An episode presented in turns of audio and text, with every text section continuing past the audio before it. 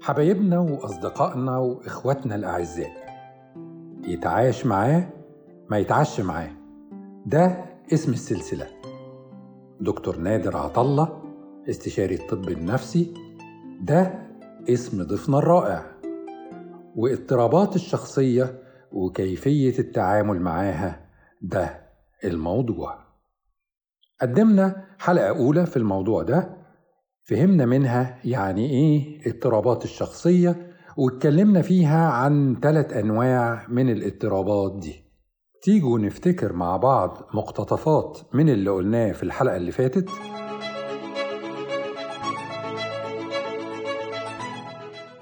الدكتور نادر في الحلقة اللي فاتت كان كلمنا عن الشخصية النرجسية. متوقع إن الناس تعامله بطريقة معينة متوقع إن هو لما يروح مطعم مدير المطعم صاحب المطعم يجي يتكلم معاه يعني ويقدم له الأكل متوقع إن أهم دكتور في في كندا ولا في مصر هو اللي يعالجه ما يقفش في طوابير الطوابير دي مش بتاعته هو يخش على طول على البنك ولا الحاجة اللي هو داخل يخلصها. وفي البيت طبعا زي ما قلت صعب بيبقى لا يحترم بعيد أنت أصلا بالنسبة له ما تبقاش موجود يعني. طبعا بيهين اللي قدامه وما بيبقاش حاسس إن هو بيهين يعني يقلل منك.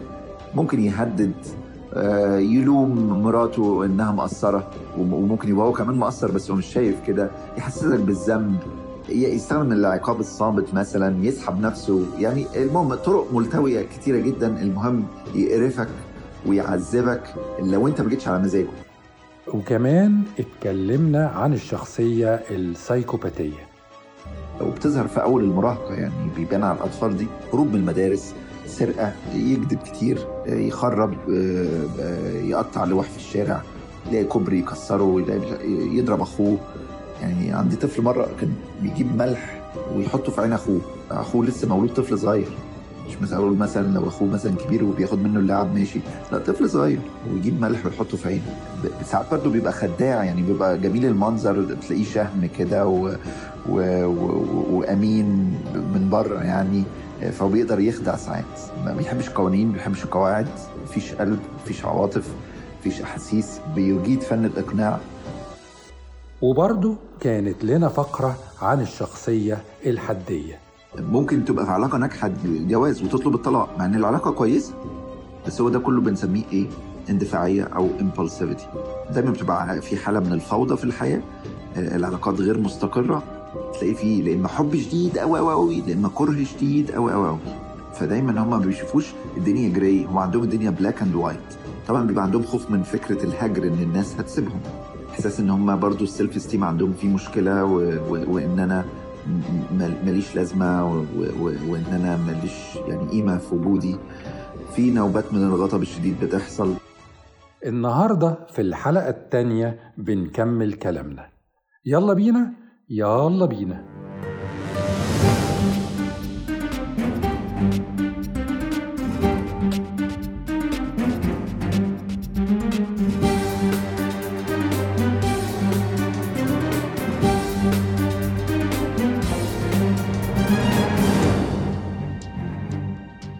دكتور نادر عطلة النهاردة هيكلمنا عن ثلاث أنواع أخرى من اضطرابات الشخصية. إيه اللي بيسببها؟ ونعرفها إزاي؟ وإيه هي المشاكل المترتبة عليها؟ وإيه هي طريقة التعامل؟ سواء كان حد مننا مصاب بيها أو كنا على علاقة حب أو زواج أو قرابة أو صداقة أو زمالة مع حد بيعاني منها. وهل لها علاج؟ وإيه هو العلاج؟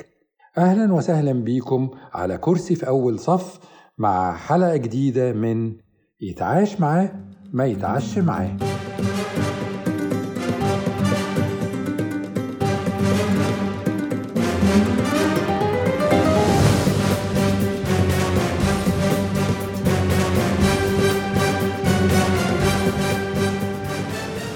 دكتور نادر ألف مرحب بيك منورنا ومشرفنا وبنسعد ونستفيد ونستمتع بوجودك معانا كالعادة. ولما بتوحشنا بنطلع على اليوتيوب نستزيد من قناتك الثرية للغاية.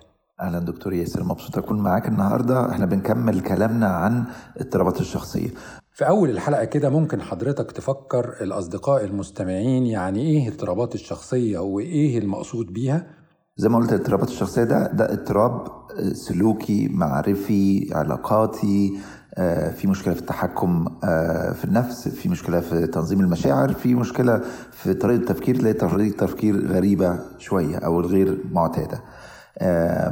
بيبقوا عندهم الناس اللي فيها اضطراب في الشخصية دول عدم قدرة على التكيف في الحياة. آه، وانت نفسك بتتعامل معاهم بتلاقي في شيء غير مريح. ما تقدرش تقول هو مكتئب هو قلقان هو في إيه بالظبط؟ انت بتلاقي نفسك مش مرتاح كده. هو ده اللي إحنا بنسميه personality disorder. وأنت يعني في الأول لما تحس أنت مش مرتاح تفتكر إن المشكلة في فيك أنت. يعني أنت مثلا مش فاهمه صح آه، المواقف الحياة فيها ضغوط بس بعد شوية بتحس لأ هو طريقة تفكيره وتنظيمه وعرضه للمشاعر والمشاكل آه، فيها حاجة مش مظبوطة. آه، هتلاقي دايما في مشاكل في شغله وفي كليته. في بيته في علاقاته هو نفسه بيقول لك أنا مش مرتاح. بس مش هيجي يقول لك الشخص اللي عنده اضطراب في الشخصية ده أو personality disorder مش هيجي يقول لك أنا عندي اضطراب في الشخصية. هقول لك أنا مش مرتاح بس أنا مش مرتاح ليه؟ بسبب بابا. بسبب ماما. بسبب الضغوط اللي عليا.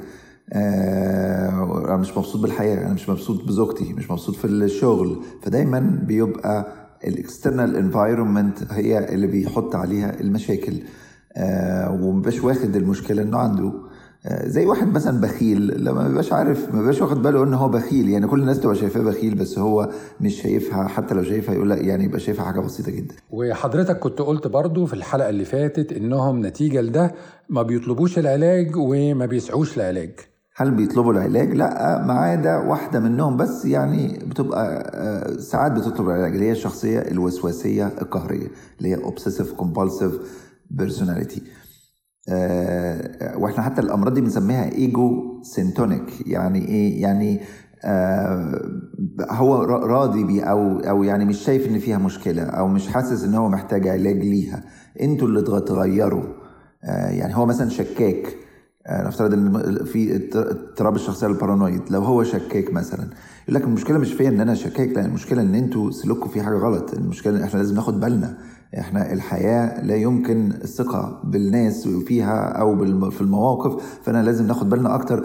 فيقول لك إن الشك ده defense mechanism دي حاجة كويسة مش حاجة. فبنسميه ده ego syntonic كان في تقسيمات كده وأنواع للإضطرابات دي. حضرتك برضو كنت ذكرتها لنا في الحلقة اللي فاتت. بص زي ما اتكلمنا في الحلقة اللي فاتت إن الاضطرابات الشخصية دي ليها أنواع أو تقسيمات آه، ومسميات. فإحنا بنقسمهم ثلاث مجموعات الفئة ألف والفئة ب والفئة ت آه، أو A B C. cluster A دي اللي هي ألف دي اضطرابات بتبقى ذات طابع غريب في الشخصية الانعزالية الشخصية الفصامية الشخصية ال paranoid آه، المرتابة. ودول هنناقشهم يعني المرات الجاية. آه، في الفئة B أو الفئة ب دي اللي خدناها المرة اللي فاتت اللي هي زي الشخصية الحدية آه، الشخصية ال antisocial الشخصية النرجسية. دي اضطرابات بيبقى فيه دراما كتير. آه، وخلصناهم وكلمنا عليهم الحلقة اللي فاتت باستفاضة. يعني اللي حابب يرجع للحلقة اللي فاتت عن اضطرابات الشخصية الفئة ب. آم، الفئة C بقى أو cluster C دي بيبقى الخوف جزء من الاضطراب نفسه. فإحنا عندنا اضطراب الشخصية التجنبية ال avoidant personality والشخصية الاعتمادية اللي هي dependent personality والشخصية الوسواسية أو القهرية آه، اللي هي الوسواس آه، آه، أو اللي بنسميها obsessive compulsive personality disorder. إحنا طبعا عندنا مرض اسمه الوسواس القهري.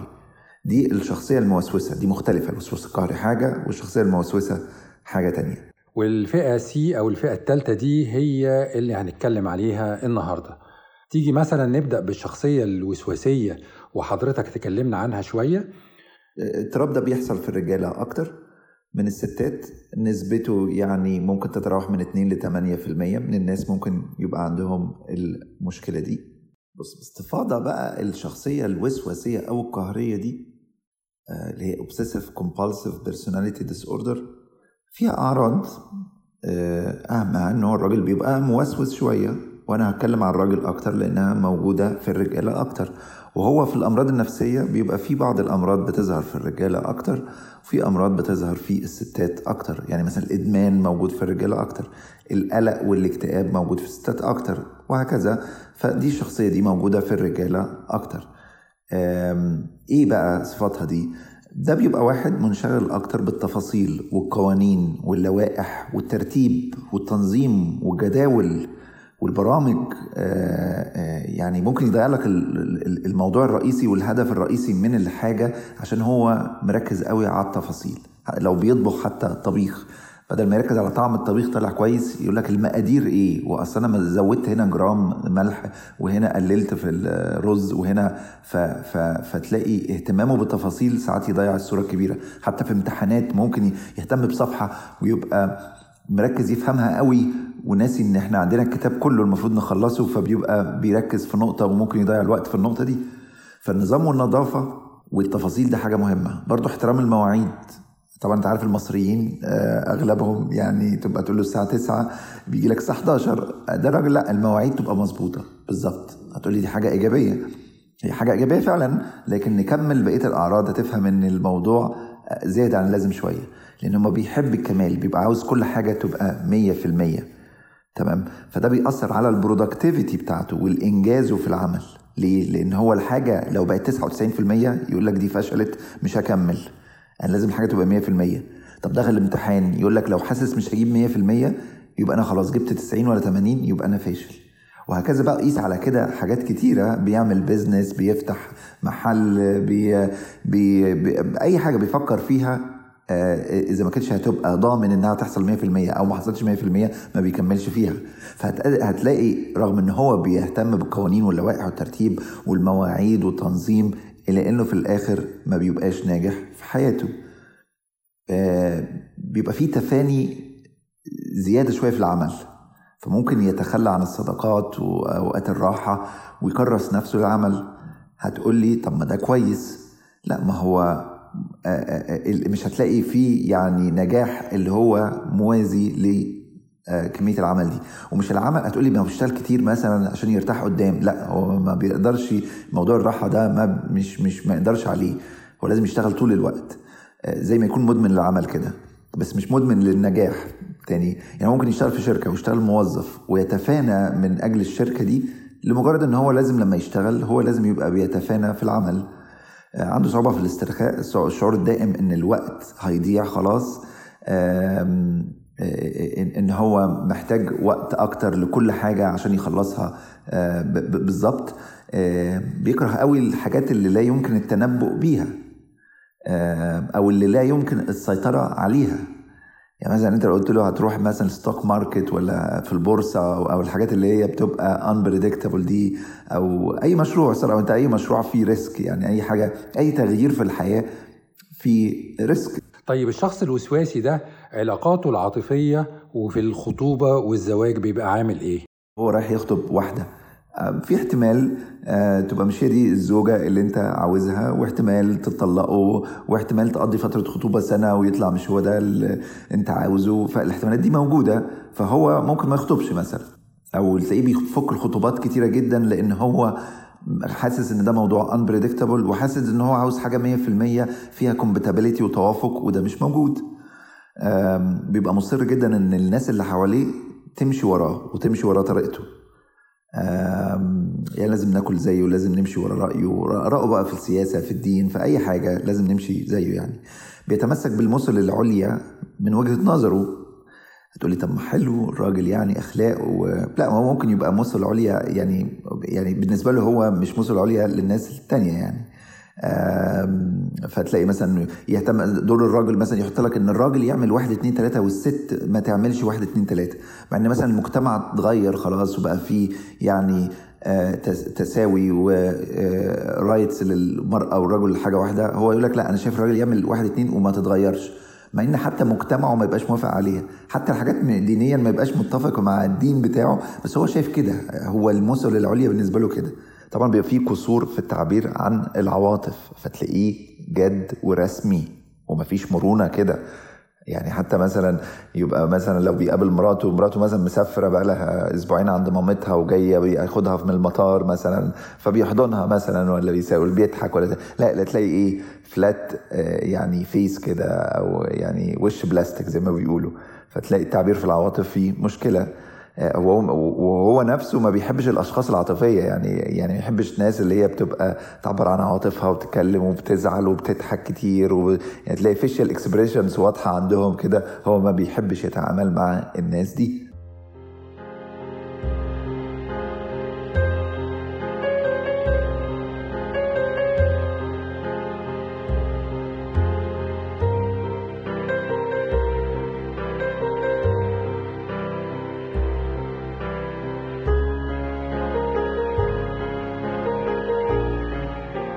طيب كزميل عمل أو كصديق إيه المشاكل اللي ممكن تقابله أو تقابل أصحابه وزمايله؟ آه زي ما قلنا القيم والأخلاقيات والمثاليات آه يعني حادة شوية. آه فممكن يخاصم الناس كلها عشان في حد مختلف عنه طبعا إحنا كلنا بنغلط آه ومش كلنا يعني ممكن نقسمنا black and white يعني إحنا كلنا gray فينا حاجات حلوة وحاجات وحشة الا إنه هو حسب مثالياته هو برضه وقيمه هو ومبادئه هو. لو شاف إن واحد ما بيعملش واحد في المية من المفروض يتعمل يخاصمه. فب end up في الآخر إن هو ملوش صحاب خالص لأن هو ما فيش حد بيقدر يبقى compatible مع طريقته ومبادئه دي طول الوقت. تلاقيه برضه بيبالغ شوية في الاستشهاد بالنصوص الشرعية والدينية. ايا كان بقى هي فاهمها صح ولا مش فاهمها صح بس دي حاجة من الحاجات اللي دايما بيعملوها. طبعا هو بيبقى مزعج جدا للناس اللي تحتيه. يعني ولاده مثلا موظفين تحتيه. إنما هو بيبقى ظريف جدا لمديره لأن المدير بيبقى شايف الراجل متفاني في العمل فاللي فوقيه شايفه كويس يقول لك الراجل ده بص هديله يحسب حسابات أو محاسب أو يعمل حاجات معينة هتلاقيه كويس جدا. إنما الناس اللي تحتيه هو بقى بيطلب من الموظفين اللي تحتيه أو ولاده إن هم يبقى بيرفكت طول الوقت وهو بيبقى موسوس في حاجات كتير الناس مش بتستحملها. طبعا بيشتكي من جهل الآخرين آه كل الناس بالنسبة له جهله وبيظهر أخطائهم. طبعا في ناس بتغلط يعني ممكن لو حد بيعمل 99% من اللي بيعمله صح؟ هو يشاور لك على الواحد في المية الغلط. طبعا الديليجيشن فيه مشكلة اللي هو يوكل ناس تحته. طبعا أنت لو بتعمل شغلانة لازم بتعمل source out لحاجات كتيرة. يعني أنت مثلا نفترض طبيب مثلا. فمحتاج في شغلك محاسب. ما انت مش فاضي انت تشتغل دكتور ولا تشتغل محاسب فبتعمل حساباتك مع محاسب مثلا. فتحت يعني مستشفى فتحت عيادة فليه في محاسب وفي واحد مثلا بيتصل بالمرضى يحجز المواعيد وفي واحد بيمسح العيادة مثلا بعد ما نخلص. فانت عمال ت delegate اهو. هو في صعوبة جدا بقى يعني تلاقيه هو بيعمل حاجات كتيرة يقول لك لا أنا عمري ما اثق في حد يعمل لي الشغلانة دي. مش هثق في المحامي مش هثق في الأكاونتنت المحاسب مش هثق في مراتي تربي العيال أو تقرر قرارات في المدى مش هثق مش... فتلاقي نفسه شايل على نفسه كتير وفي الآخر طبعا ده بيؤدي إلى ضغط نفسي كبير. آه طبعا ما بيعرفش يجامل المجاملات. آه يعني أنت ممكن بنت متوسطة الجمال مثلا فأنت تقول لها الله أنت جميلة قوي يقول لك لا أنا مش هقول لها أنت جميلة قوي أنت متوسطة الجمال. واحد مثلا نجح وجاب 75% وإحنا عارفين مستواه يعني على قده جاب 75% في الحاجة اللي بيعملها في الدراسة يعني. هنقول له ممتاز ونشجعه وخلاص. يعني يقول لك لا 75% ده جيد ولا جيد جدا مش مش ممتاز ولا حاجة. فالمجاملات بيشوفها إن أنت بتكذب كده. آه فما ينفعش أجامل. آه واحدة مليانة شوية أنت تخينة. آه أنت تخينة. هو كده. آه ما أنت دي الحقيقة. آه فشايف انت الموضوع بيوصل لإيه؟ طيب ده تأثيره على الآخرين. تأثير الاضطراب ده عليه هو نفسه بيبقى إيه؟ إيه عواقب اضطراب الشخصية ده على الشخص الوسواسي نفسه على المدى البعيد؟ تجنب اتخاذ القرارات. آه زي ما كنا بنقول الخطوبة يعني اتخاذ قرار الزواج ده يعني حاجة صعبة جدا. بس عامة في اتخاذ القرارات هو صعب لأن أنت أي قرار بتاخده احتمال يكون صح وغلط. أهاجر. أهاجر ولا ما اهاجرش ممكن نقعد نفكر فيها خمس سنين وهو مش لسه ما قررش. أتجوز ولا ما أتجوزش؟ أدرس ده ولا ما أدرسش؟ أعمل ماجستير ولا لأ؟ أعمل بيزنس ده ولا لأ؟ فاتخاذ القرارات بيبقى فيه مشكلة ويقعد يأجله وممكن بالسنين. فيبقى محلك سر لفترات كبيرة. تلاقيه برضو ثابت في حاجات كتيرة. يعني ممكن تلاقي الفطار والعشاء هم هم بقالهم 15 سنة. لبسه ما بيغيروش مثلا. العربية هي هي. يعني تلاقي حاجات كده في حياته منظمة وممكن تكون قاعدة بقالها كتير. مش مثلا ما بيغيرش الحاجات عشان ما فيش فلوس لا لأنه هو مش عاوز حاجة تتغير عاوز الحاجة اللي حبها تكمل معاه زي ما هي. طبعا هو مفرط في محاسبة الذات يعني الجلد عنده والإحساس بالذنب شديد جدا. لأن هو بقى بيشوف أخطاء الآخرين وبيشوف اخطائه برضه. فتلاقي في ضمير حي زيادة عن اللازم فتلاقي إحساس بالذنب كبير جدا. وإحنا عارفين في الطب النفسي إن الجلت فيلينج ده بعد شوية بيعمل لي خوف لأن أنت لما تحس إن أنت مذنب بتخاف. بتخاف بقى من الناس بتخاف من عقاب إلهي بتخاف بتبقى خايف المذنب بيبقى خايف والخوف والإحساس بالذنب دول الأساس في الأمراض النفسية دول الأساس في الاكتئاب والأساس في القلق أساس في الوسواس واساس في حاجات كتيرة. فبيعانوا الناس دي مش بس في الاضطرابات الشخصية لا بيعاني كمان من قلق واكتئاب وساعات إدمان لأنه ما بيبقاش يستحمل الواقع بالوضع اللي هو عليه. عشان كده ساعات الناس دي بقى زي ما قلت لك كل كل الاضطرابات الشخصية مش بتطلب العلاج إلا ده في بعض الأحيان هو بيحس إن في حاجة غلط ويطلب العلاج. طبعا بيبقى بخيل جدا مش حبا في المال. بخيل جدا مش حبا في المال. لا هو ده لمواجهة مصائب المستقبل والحرص واجب وما نضمنش إيه اللي يحصل. فلو معانا خمسة جنيه ولا خمسة دولار نعينهم لأن ما نعرفش المستقبل فيه إيه. فأنا ففي بخل شديد جدا في موضوع التعامل مع الفلوس. طبعا في عجز في التخلي عن الأشياء البالية أو القديمة. يعني عنده مثلا كرسي وجاب كرسي جديد يقول لك نعين القديم ما يمكن نحتاجه في المستقبل. عندي بوتاجاز جبت بوتاجاز جديد ما بنرمي القديم بقى خلاص. لا نعينه ما يمكن أحتاج منه القطعة دي وأركبها في البوتاجاز الجديد. وهكذا. فأنت تلاقي ممكن عنده جراج أو عنده في البيت حاجات متكومه فوق بعض ما فيش حد بيلمسها ومحدش محتاجها. بيحب يتأكد من كل حاجة بنفسه. لو راح لدكتور تلاقيه كاتب للدكتور الأعراض بالتفاصيل. يقول أنا بروح الحمام ثلاث مرات في اليوم وبعمل حمام بول مرتين وساعات البول بيبقى لونه كذا وريحته كذا. يعني تفاصيل تحس إن الشخص الطبيعي ما بقاش واخد باله منها لأن هو بياخد باله من تفاصيل كتيرة ويكتب الاعراض الأعراض كلها في ورقة which is good. يعني كل حاجة كل الحاجات اللي بيعملها الشخص ده to be honest يعني in moderation is good. يعني الوسطية وال, وال, وال يعني في الوسط كده ماشي. إنما اللي هو الوسوسة الزيادة عن اللازم دي بتعمل مشاكل. بيجي في مواعيده قبل ميعاده طبعا لأنه خايف يجي في الميعاد متأخر. طبعا زي ما قلنا احتمالية إن هم يجي لهم اكتئاب وأمراض تانية ده موجود بزيادة يعني.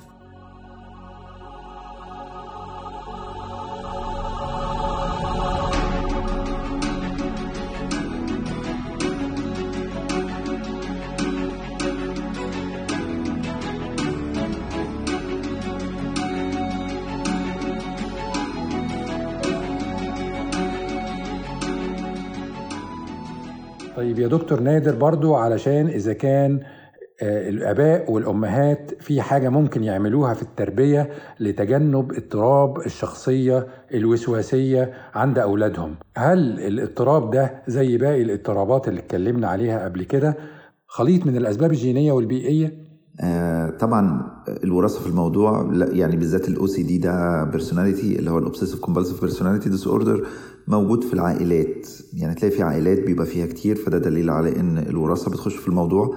برضو بيظهر في آه الولاد الأكبر سنا. يعني الولد البكري أو الأكبر ولد بيبقى فيه نسبة إن يحدث الاضطراب ده أكتر.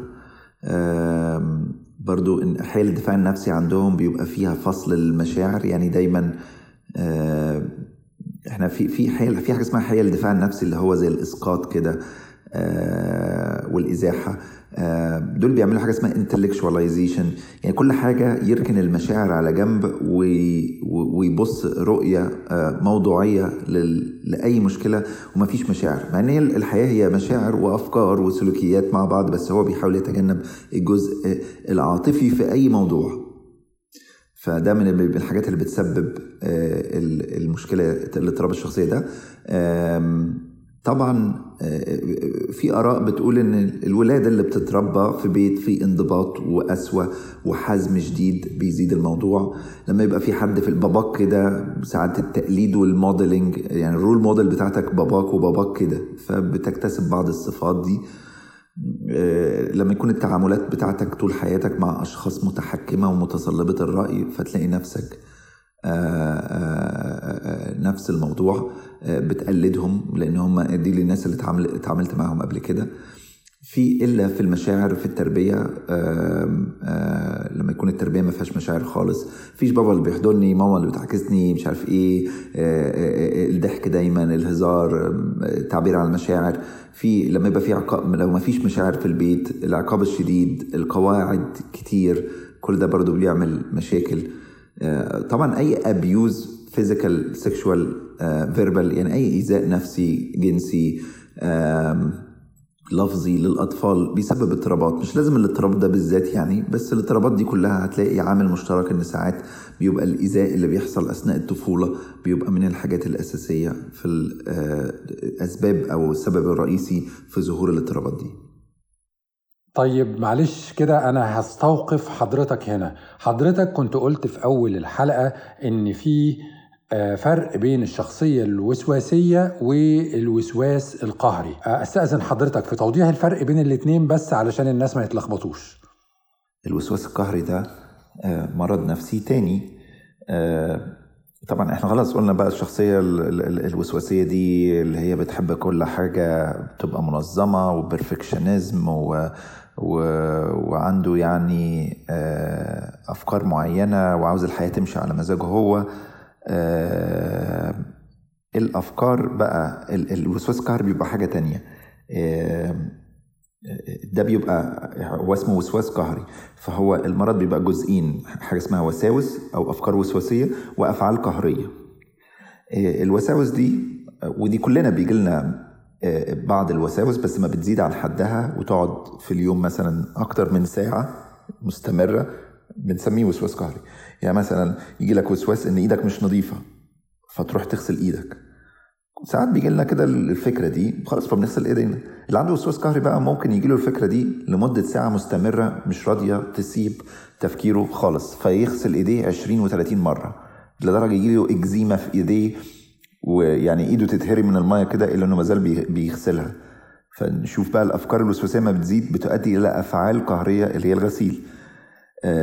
أو مثلا يجي لك فكره ان انت ما قفلتش الباب فتروح تقفله. كلنا بيجي لنا الفكرة دي تبقى ماشي خارج من البيت فتقول إيه ده أنا ما قفلتش الباب فترجع تقفله. بس بترجع مره. اللي عنده وسواس قهري ممكن يرجع يقفل الباب 20 مرة 30 مرة. فشايف تضييع الوقت قد إيه؟ فإحنا بنسمي بقى الأفكار دي لما تيجي بنسميها obsessions أو أفكار وسواسية. لما لما تعمل يعني لما يجي لك فكرة إيدك مش نظيفة دي الأفكار. لما تروح تعمل الحاجة وتغسل إيدك نسمي دي أفعال قهرية أو compulsions ده مرض طبعا بيستجيب للعلاج الدوائي والعلاج السلوكي وليه علاج غير مختلف عن اضطرابات الشخصية. الميزة في المرض ده اختلافه إن المرض ده ego dystonic يعني انت ما بتبقاش مبسوط بيه. في اضطرابات الشخصية زي ما قلنا بصورة عامة انت شايف الناس هي اللي غلط أنا اللي صح. انما في المرض ده الوسواس القهري والمريض الوسواس القهري بيبقى عارف ان هو في حاجة غلط. يعني هو بيبقى عارف ان ايده خلاص نظيفة بس الفكرة بتنيها تبقى ملحة. ساعات برضه بيبقى في أفكار جنسية مغلوطة بيبقى في أفكار دينية مغلوطة انت ما توضتش مثلا فيتوضى عشر مرات. أو أنت ما قريتش قران صح فعيد الجملة تاني أو عيد الآية تاني. ما قريتش الإنجيل صح عيد الشابتر تاني أو الاصحاح تاني. فيقعد يقرأ هو رايح يقرأ مثلا في القرآن ولا في الإنجيل ربع ساعة بينتهي الموضوع إن هو قاعد خمس ساعات بيعيد في نفس الثلاث آيات لأن هو قرأهم غلط أو بيجيله فكرة إن هم قرأهم غلط. ففي فرق طبعا في شكل الشخصية الوسواسيه دي حاجة آه اللي هي منشغلة بالتفاصيل والقوانين واللوائح وحب الكمال. دي شخصية. والمرض الوسواس القهري ده اللي هو إيه مليان وساوس وأفعال قهرية.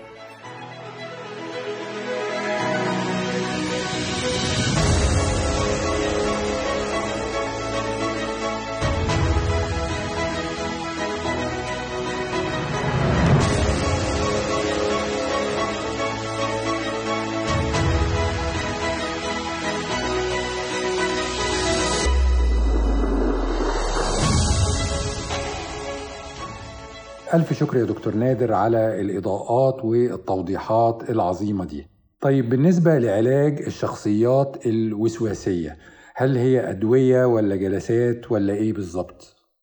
طبعا العلاج آه، الشخصية الوسواسية زي أغلب الاضطرابات الشخصية علاج نفسي أكتر منه علاج دوائي. إحنا ممكن نتجه للدواء لو بقى في اكتئاب أو قلق مصاحب للشخصية دي. إنما هو كصفات الشخصية نفسها وسلوكياتها علاجها بالكلام أكتر. ف... ف... وطبعا في علاج بقى ما هو العلاج المعرفي السلوكي بنستخدمه آه، لتغيير بعض الصفات اللي موجودة في الشخصية دي. عشان برضو نبقى واقعيين اضطرابات الشخصية أغلبها بتتحسن بس ما بتختفيش تماما يعني ما بيحصلش كيور 100% اللي هو المرض يختفي أو الاضطراب يختفي 100% لأن ده شخصية أعتبرها زي طبع كده. فالطبع ممكن نغير فيه شوية بس مش هيمت... يعني مش هي مش هي مش يعني ما تتوقعش ال expectation بتاعتك ما don't set expectation very high لأن ده هي... هيسبب frustration ليك وللمريض واللي حواليك يعني.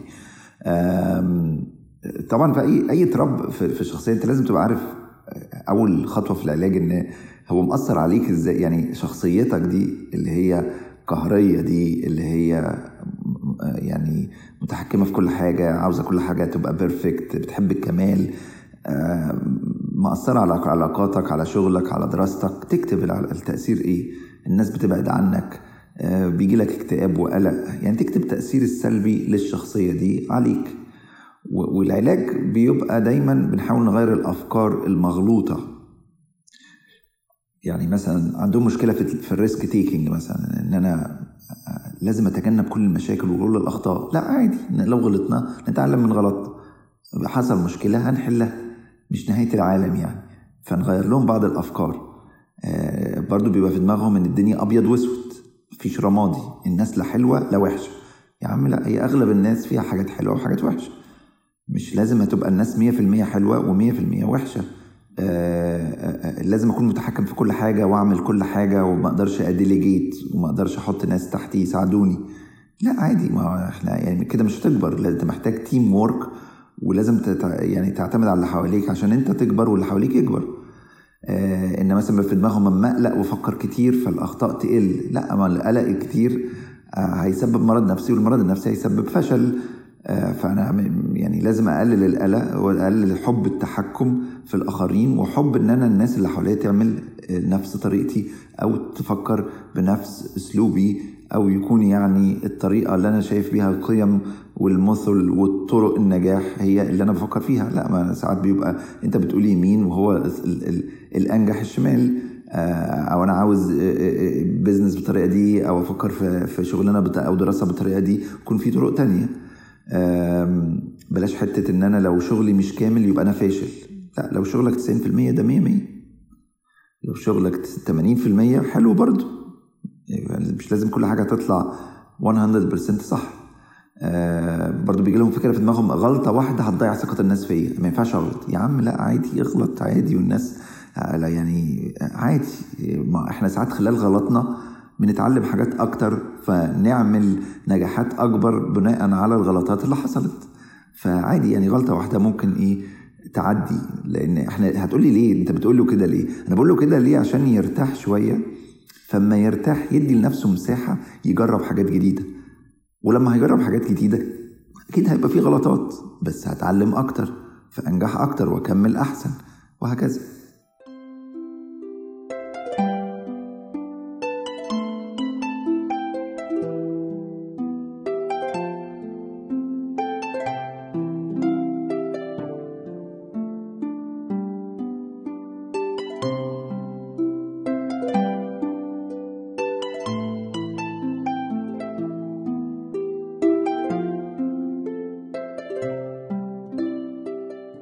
اضطراب الشخصية التاني معانا النهاردة هو الشخصية الاعتمادية.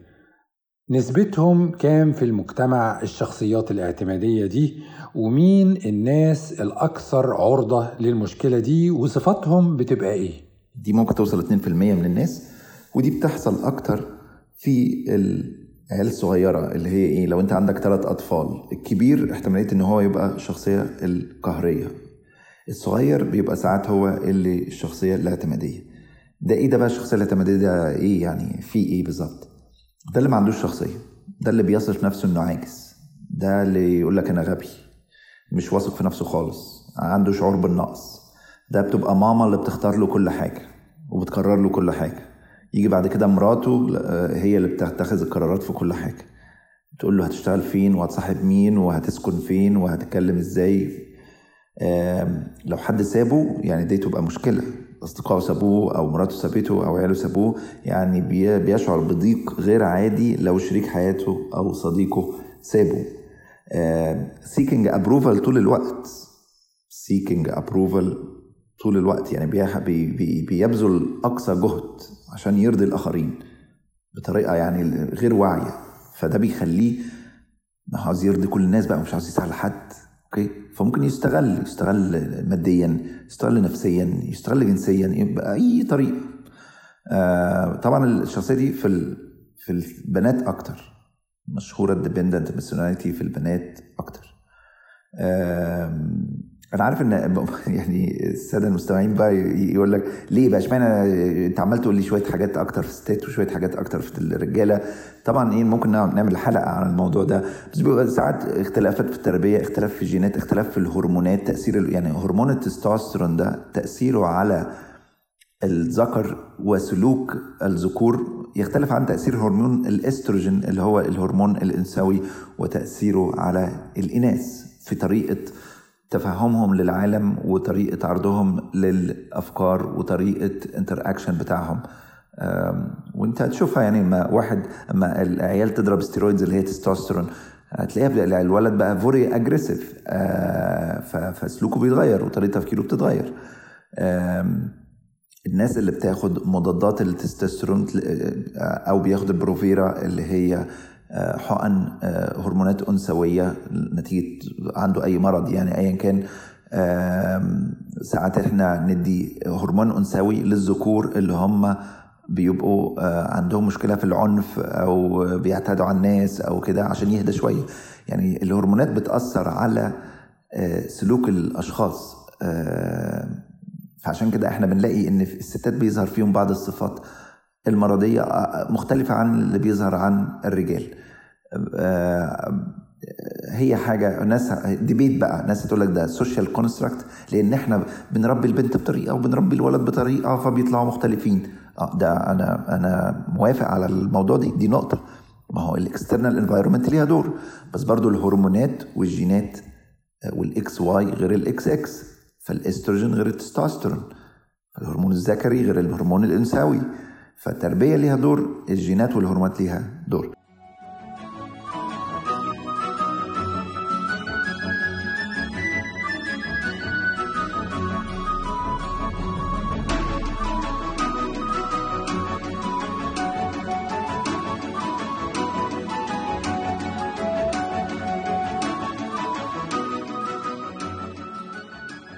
الشخصيات دي طبعا بتتصف بالتبعية فأنا أعتقد ممكن تبقى في علاقاتها مريحة للطرف الآخر لكن ممكن ده أعتقد يعني يضرهم هم نفسهم. يعني عكس الاضطرابات التانية اللي بتتعب الآخرين المتعاملين مع المصاب بالاضطراب. هنا الآخر بقى ممكن يبقى مبسوط وصاحب الاضطراب نفسه هو اللي ممكن يعاني. مش كده ولا إيه يا دكتور نادر؟ دايما تابع أي حد يوافقه. المهم تبقى راضي عني. ما بيطرحش فكرة جديدة وما بيفكرش أفكار جديدة. خوفا من الناس. ترفضه. حساس جدا لل criticism للنقد. مش عاوز حد يعلق على شكله على لبسه. وبياخدها يعني internalized قوي يعني. الست ممكن تحتمل ضرب جوزها عشان يبقى راضي عنها وما يزعلش. مستحيل الست دي تقول لأ. فتاني هي مش تقدر تقول لأ بقى لحاجات كتيرة فممكن تستغل بصور مختلفة.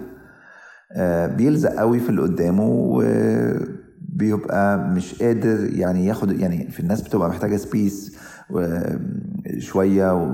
وانت كشخص محتاج إن انت تقعد مع نفسك شوية وتقعد مع الناس شوية لأ ده بيحب يبقى حوالين الناس طول الوقت. طبعا صعوبة في بدء أي مشاريع يعني مفيش حاجة مشروع يبدأ لوحده صعب جدا. لأن هو مش واثق بنفسه. عجز إن هم يكونوا لوحدهم.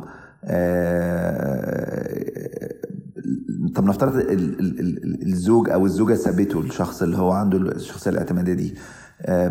بيبقى في حاجة ملحة إن هو يقوم بعلاقة جديدة. ليه؟ لأن هو مش واثق في نفسه هو عاوز حد معاه طول الوقت ياخد له قراراته يطمنه يقول له يعمل إيه وما يعملش إيه. لأن هو دايما بيبقى عاوز قيادة أو قائد خارجي. آه، يمشي وراه. هسأل حضرتك برضو هنا على التربية. إيه هي الأسباب التربوية اللي بتخلي البنت أو الولد وخصوصا البنات طالما إن الاضطراب ده أكتر في البنات إيه الأسباب التربوية اللي بتخليهم يطلعوا اعتماديين؟ أي تعرض الأطفال للأذى أثناء الطفولة ايا كانت النوع الأبيوز اللي بيتعرضوا له ده بيسبب اضطرابات في الشخصية حسب استعدادك بقى. okay فالعوامل والتجارب المبكرة السلبية وأي child abuse بيسبب اضطرابات في الشخصية. آه طبعا لقوا برضو العائلات اللي فيها مرض القلق كتير بيزيد فيها اضطرابات الشخصية اللي هي الاعتمادية. العائلات اللي فيها كسوف كتير وعدم إحساس بالأمان وال وال وال والخجل آه، دي برضو بيبقى فيه الشخصية دي موجودة. أكتر وبتظهر فيها أكتر. ف, ف والعوامل البيئية برضو. يعني ليه إحنا نطلع نقول إن البنت ممكن تبقى كده؟ لأن إن المجتمع بيحاول يشجع البنت ما تكون هي اعتمادية. فده يؤدي الناس اللي عندها يعني استعداد يا بنت عندها استعداد إنها تكون اعتمادية. والمجتمع بيضغط عليها إنها تكون اعتمادية وغير واثقة في نفسها وشخصيتها ضعيفة. تقوم ده يطلع لي صورة كاملة من الشخصية الاعتمادية.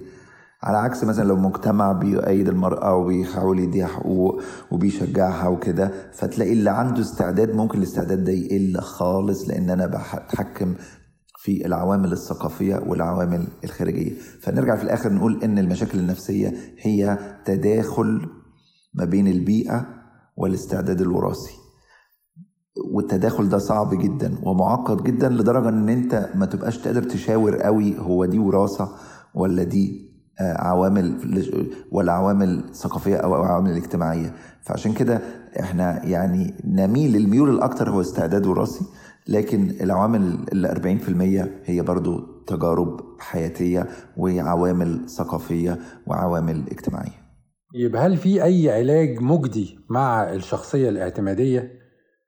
طبعا العلاج هنرجع تاني من أشهر العلاجات هو العلاج بالعلاج المعرفي السلوكي في بعض الأحيان بيستخدم الأدوية لما يكون في ضغط نفسي شديد مؤدي إلى القلق أو الاكتئاب لأن الناس دي هتبقى معرضة إنها تكون ضحية للإيذاء والاستغلال فهيتعرضوا لضغوط نفسية كبيرة طب علاج الاعتمادية دي إيه العلاج؟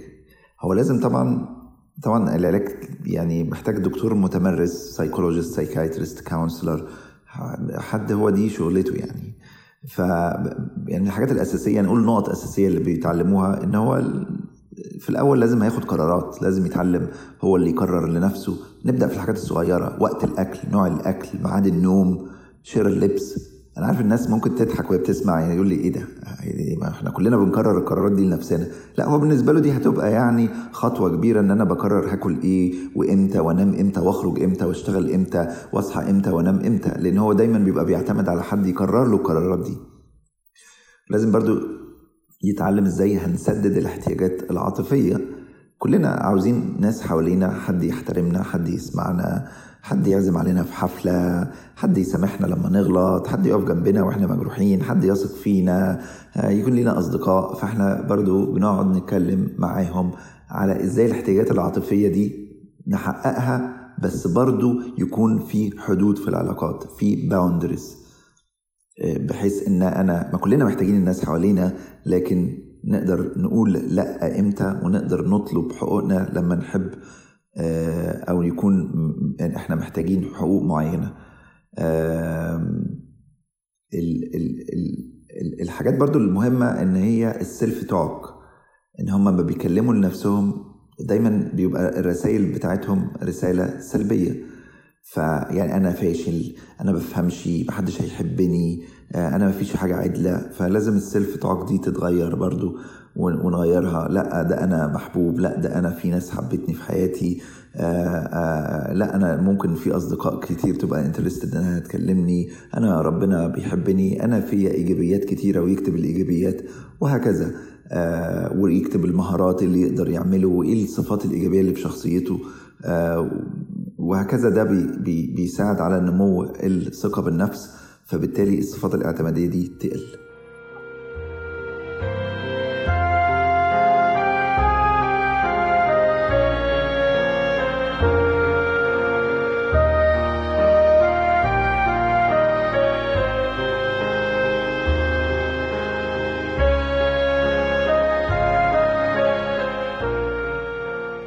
وصلنا للشخصية الثالثة والأخيرة في حلقتنا النهاردة اللي هي الشخصية التجنبية أو الاجتنابية. حضرتك ممكن تحكي للناس عنها شوية؟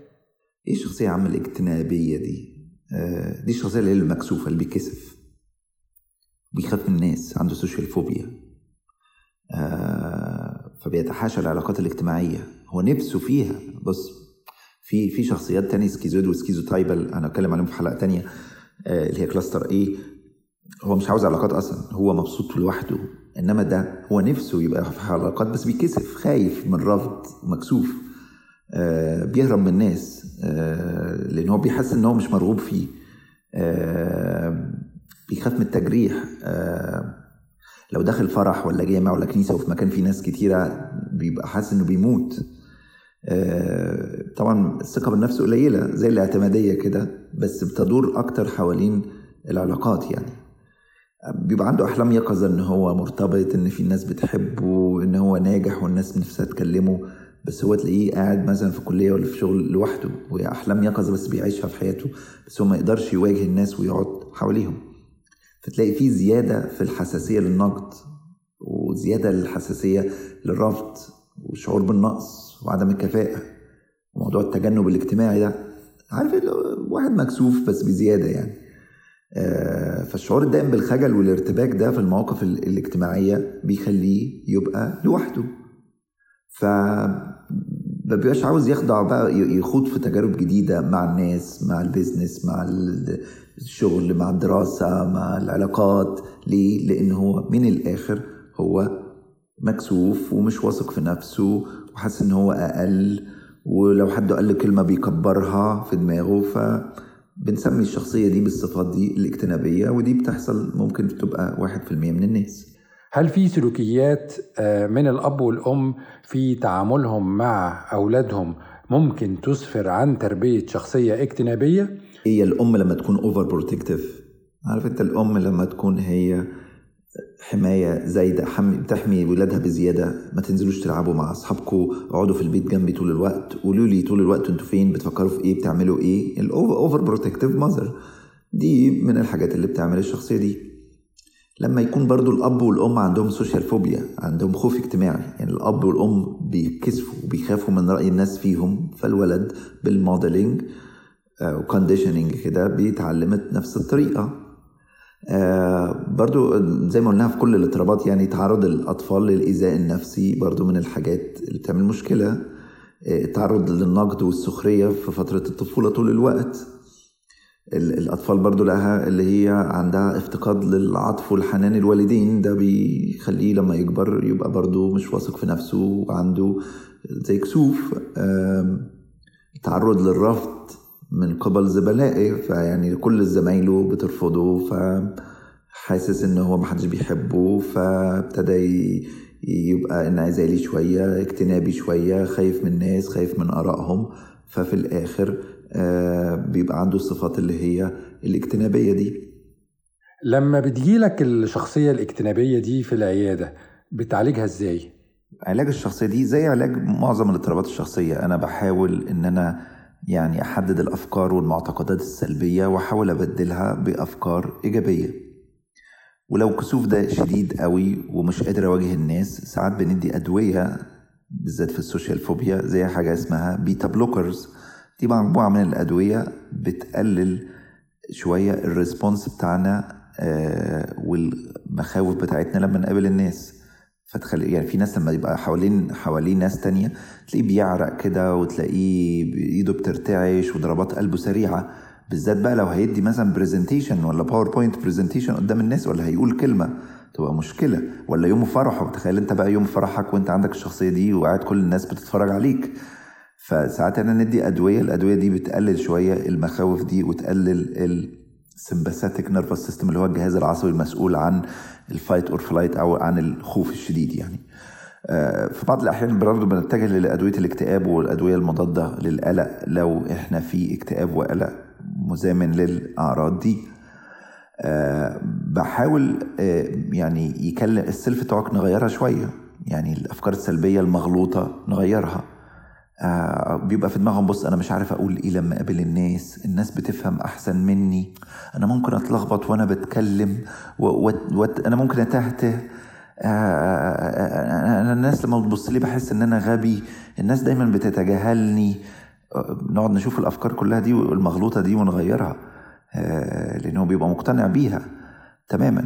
طبعا لازم أشوف خبرات الطفولة إيه؟ مع أساتذته في المدرسة مع بابا مع أخوه لأن لو في بولي طول الوقت أو خبرات سلبية ده ممكن يأثر على نظرته لنفسه ونظرته للناس. لازم برضو يتعرض يتعلم شوية تمارين أو شوية حاجات يقلل بيها توتره يعني تمارين التنفس بقى ده تمارين distraction وأنا عامل course يعني يعني أي حد بيعاني صراحة من اضطرابات الشخصية أنا أنصحه إنه يسمع ال course بتاعي بتاع العلاج المعرفي السلوكي والعلاج الجدلي السلوكي اللي أنا عامله على اليوتيوب.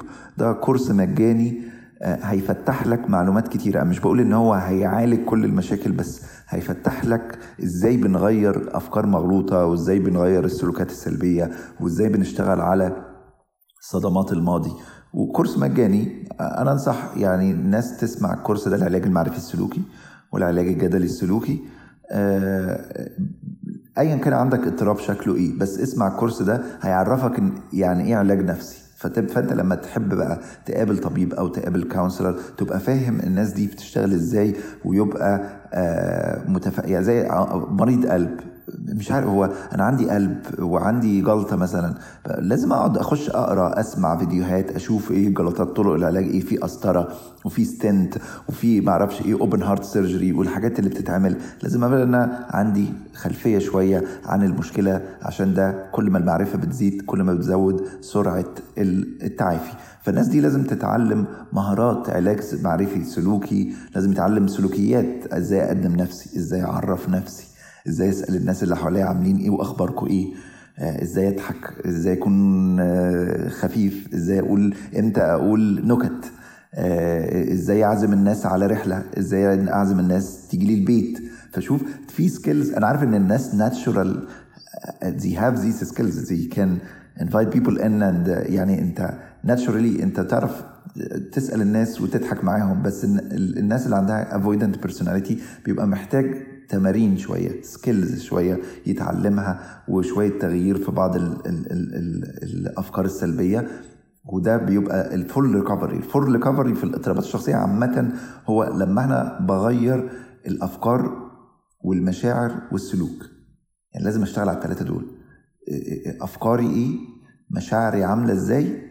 وسلوكي قدام الناس عامل إزاي؟ لما أشتغل على الثلاثة دول مع بعض مع حد يكون عنده خبرة في تغيير الثلاث حاجات دي وتنظيمهم وتحسينهم ده بيزود طبعا ده بيبقى إيه؟ بيزود فرصة ال full recovery طبعا هرجع أقول إن لازم ال expectation بتاعتي ما تبقاش عالية قوي قوي في الاضطرابات الشخصية.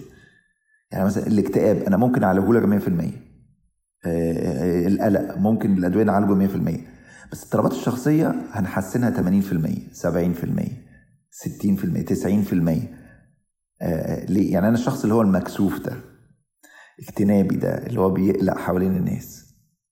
آه آه هيتحسن لكن يعني الكسوف هيتنيه موجود 5% كده 10% ما مش عاوز بقى أبقى perfectionist يعني إيه وحب الكمال ده لازم يختفي 100% لا مش أنا في اضطرابات الشخصية إحنا من seeking progress not perfection. هو ده الهدف.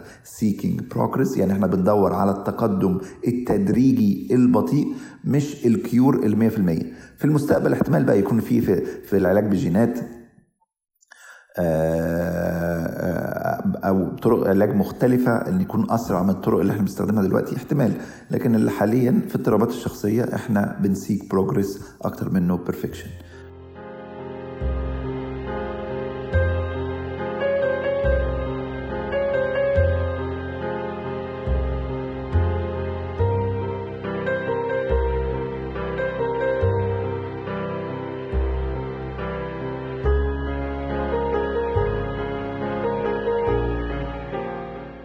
ممتنين بشدة لحضرتك دكتور نادر عطلة على الحوار الثري ده زي كل حواراتك اللي دايما بتنور لنا مناطق متعددة في سلوكياتنا وسلوكيات الناس اللي حوالينا.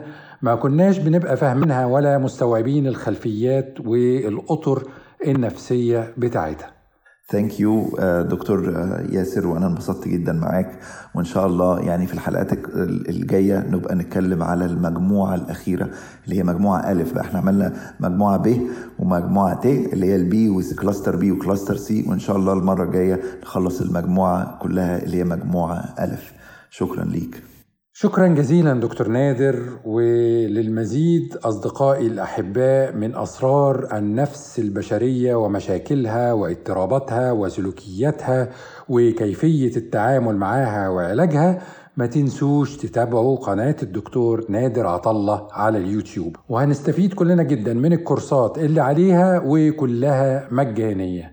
خالص تحياتي لحضراتكم مع احتراماتي وسلاماتي. نلتقي الأسبوع القادم بإذن الله.